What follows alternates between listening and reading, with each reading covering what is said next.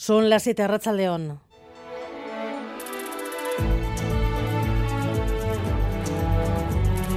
Gambara con Arancha García.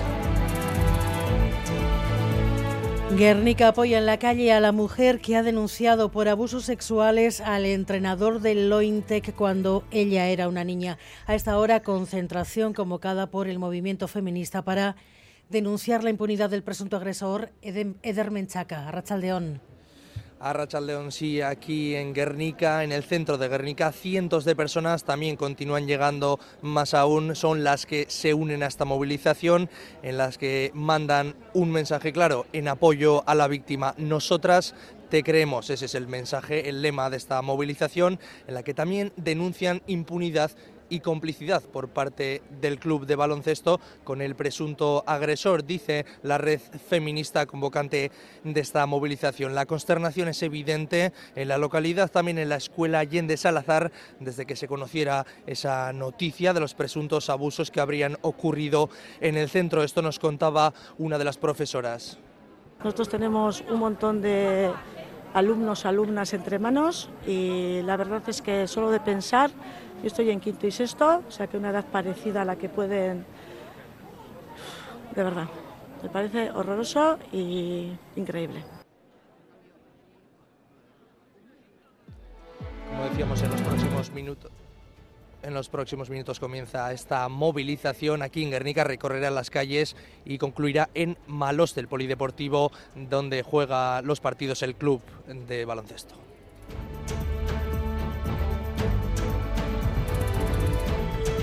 Además, Eider Mendoza forzada a prorrogar los presupuestos tras el no del Carrequín y el Partido Popular. El viernes pasado la única opción de sacar las cuentas del año que viene era EH Bildu y tampoco ha habido acuerdo. Que Euskal Herria Bildu no va a apoyar los presupuestos de 2024. Creemos que ha llegado el momento de dar pasos hacia ese sistema público comunitario de cuidados. No se nos ha aceptado esto que va a hacer lo de siempre, que va a mantener su modelo. Conforme ha ido avanzando la negociación y cuando el acuerdo estaba muy, muy cerca, han cambiado las condiciones y han puesto líneas rojas encima de la mesa. Pues se queda claro que H. Bildu no tenía ninguna voluntad de llegar a acuerdos y el Partido Popular, que anuncia mociones en todos los ayuntamientos de España contra la moción de censura en Pamplona. Borja Semper vuelve a apelar a la rebelión de los socialistas de bien y el PSOE vuelve a defender que se acepte a EH Bildu como actor político y otra vez el encargado de fijar ese mensaje, el ministro de Transportes, Óscar Puente. Que presentaremos mociones en todos los ayuntamientos de España para comprobar si hay algún responsable socialista al que le queda la dignidad suficiente para rebelarse contra el pacto que ha llevado al Partido Socialista a pactar con formaciones políticas que no solo están fuera del perímetro constitucional, sino que hacen todo lo que esté en su mano por derribarlo. Es un partido democrático que ha cumplido con las reglas de nuestro país y que tiene todo el derecho a participar de la vida política como el que más. Por tanto, no entiendo las manifestaciones, sinceramente. Es como si yo me hubiera manifestado cuando el Partido Popular de Valladolid pactó en nuestra ciudad para gobernar con Vox. La bala perdida de uno de los cazadores que participaba en una batida de jabalíes ayer entró en una casa en Deva y mató a una mujer de 75 años. La batida estaba autorizada ahora. La Archancha está investigando, utilizando incluso drones y láser para tratar de certificar la trayectoria del proyectil, David Beramendi. Sí, con ayuda de drones y un sistema de láser, la Ertzaintza investiga la trayectoria de la bala que causó ayer la muerte de una mujer en Deva. Quiere saber cómo y por qué ese proyectil, que procedía de una batida autorizada de jabalíes, acabó entrando por la ventana de la casa donde vivía esa mujer de 75 años. En la batida participaban 25 cazadores que están, nos dicen, desolados. La Ertzaintza les ha identificado y tomado declaración les ha requisado las armas y practicado la prueba de alcoholemia todos han dado negativo. Los cuarteles de Loyola ya son propiedad del Ayuntamiento de Donostia, un momento histórico para la ciudad, según el alcalde Neco Goya, que hoy ha firmado el acuerdo de compra en el Ministerio de Defensa y Sarobaza. Sí, después de tres años de negociaciones y con la firma del traspaso oficializado, desde esta mañana la gestión del terreno de los cuarteles de Loyola ya es competencia del Ayuntamiento de Donostia. Las 17,5 hectáreas del suelo se destinarán a construir entre 1.500 y 1.700 viviendas públicas. Las obras, aún así, tendrán que esperar al menos cuatro años más. Y es que en ese plazo es lo que tienen los militares para abandonar el cuartel. Y el Vaticano da un paso más en el reconocimiento de las parejas homosexuales. Sigue negándoles el derecho a casarse por la Iglesia, pero en un movimiento sin precedentes el Papa ha dado luz verde a que puedan ser bendecidas, Amaya Esteban. Sí, aprueba la bendición de parejas entre personas del mismo sexo en la Iglesia, pero siempre que no imite la liturgia del matrimonio. Así que recoge explícitamente que serán inadmisibles los ritos y oraciones que puedan crear confusión entre lo que es constitutivo del matrimonio y lo que lo contradice para evitar equipararlo. El pequeño paso podrá producirse en peregrinaciones, en santuarios o incluso en la calle cuando se encuentran con un sacerdote. Justifican este cambio en la Iglesia Católica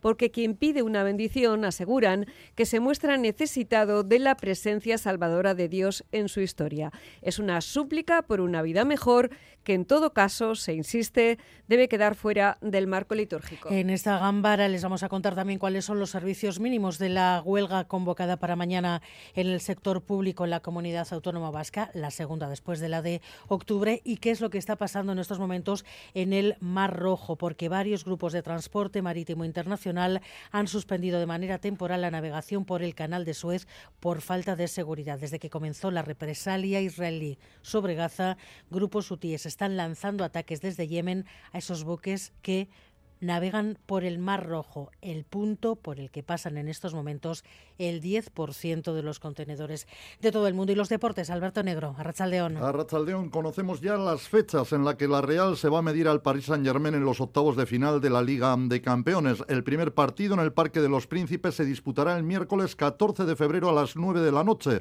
lo que puede incomodar a la Real, dado que no sabrá si podrá contar contra Oré, Sadik y Takekubo. El encuentro de vuelta en Anoeta se disputará disputará el 5 de marzo, martes, también a las 9 de la noche. Por lo demás, y dentro del campeonato de liga, esta noche el Deportivo Alavés se enfrenta al Girona. Lo hará en Montilivi a partir de las 9 con la ausencia del técnico Luis García Plaza, que sancionado deberá de seguir el partido desde la grada.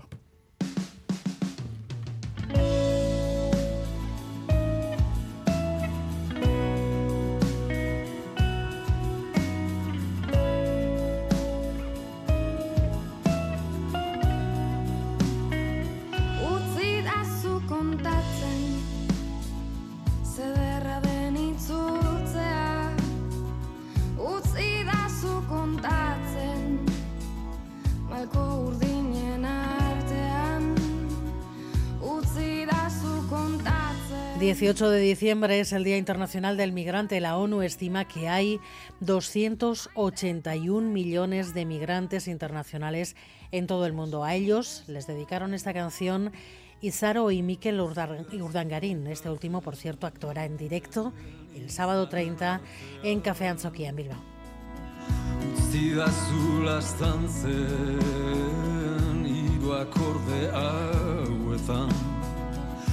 Utzi da zu kontatzen zederra den zu ikustea. Utzi da zu kontatzen